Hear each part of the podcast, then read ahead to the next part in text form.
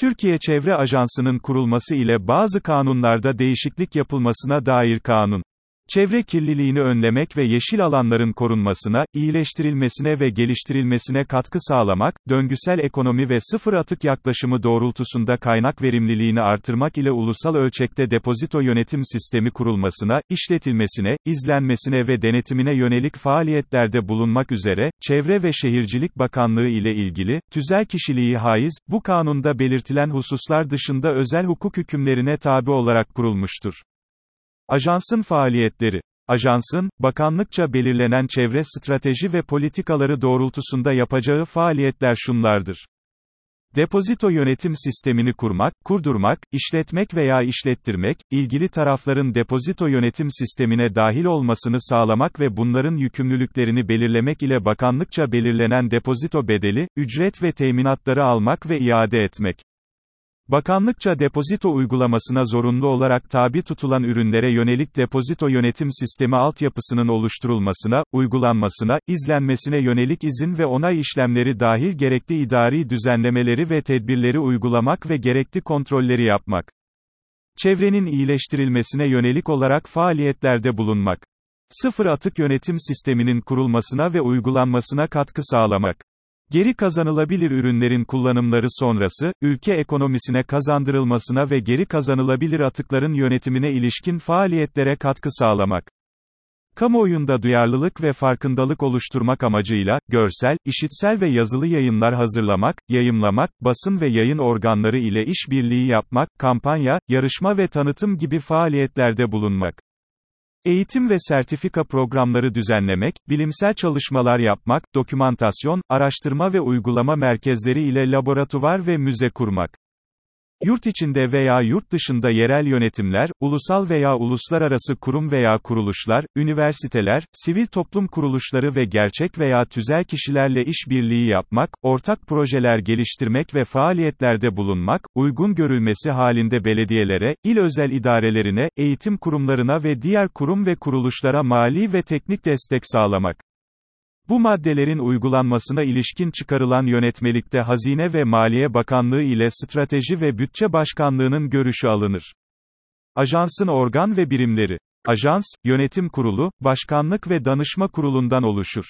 Yönetim kurulu, ajansın karar organı olup, 7 üyeden oluşur. Yönetim Kurulu, en az 4 yıllık yüksek öğrenim görmüş, meslekleri ile ilgili konularda kamu kurum ve kuruluşları veya özel kuruluşlarda en az 5 yıl süreyle görev yapmış, mesleki açıdan yeterli bilgiye, deneyime ve devlet memuru olma niteliğine sahip kişiler arasından bakan tarafından 3 yıl süre ile görevlendirilir ve üyeler gerektiğinde süresi dolmadan görevden alınabilir. Başkanlık Başkan ve iki başkan yardımcısı ile hizmet birimlerinden oluşur. Başkan ve başkan yardımcıları yönetim kurulu tarafından atanır. Ajans başkanı olarak yönetim kurulu başkanı da atanabilir. Başkanlık, ajansın yürütme organı olup ajansı temsil yetkisini haizdir. Danışma kurulu Yönetim kuruluna danışmanlık etmek ve tavsiyelerde bulunmak üzere danışma kurulu oluşturulur. Danışma Kurulu, ajansın faaliyet alanlarında temayüz etmiş kişiler ile yükseköğretim kurumu, özel sektör ve kamu kurum ve kuruluşları çalışanları arasından olmak üzere 11 üyeden oluşur ve, üyeler bakan tarafından 3 yıl süre ile görevlendirilir. Üyeler gerektiğinde süresi dolmadan bakan tarafından görevden alınabilir. Ajans organları ile hizmet birimlerinin görev ve yetkileri, üyelerinin atanması, teşkilat yapısı ile çalışmasına ilişkin usul ve esaslar, Hazine ve Maliye Bakanlığı, Aile, Çalışma ve Sosyal Hizmetler Bakanlığı ile Strateji ve Bütçe Başkanlığı'nın görüşü alınarak bakanlık tarafından çıkarılan yönetmelikle belirlenir. Ajansın gelirleri ve bütçesi. Ajansın gelirleri Genel bütçeden aktarılan tutarlar, her türlü bağış ve yardımlar, ajansın faaliyetlerinden elde edilen gelirler ve sair gelirler. Ajansın gelirlerinin genel yönetim giderleri haricinde kalan kısmının tamamı ajansın faaliyetleri için kullanılır. Ajansın bütçesi Bütçe, ajansın yıllık program ve faaliyetleri dikkate alınarak başkanlık tarafından bir yıllık olarak hazırlanır ve her yıl Ağustos ayı sonuna kadar yönetim kuruluna sunulur.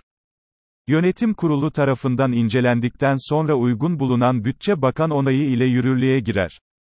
Bütçe yılı takvim yılıdır, bütçe dışı harcama yapılamaz.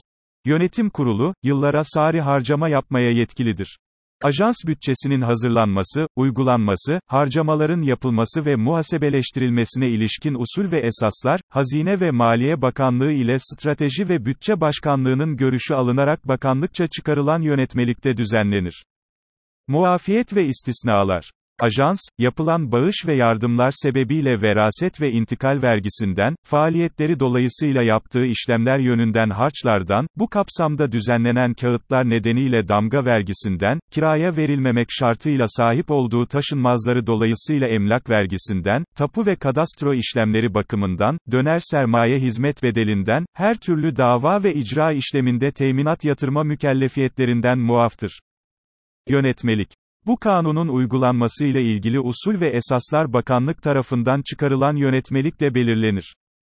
Son olarak şu konuya bir açıklık getirip podcast'imizi tamamlayalım.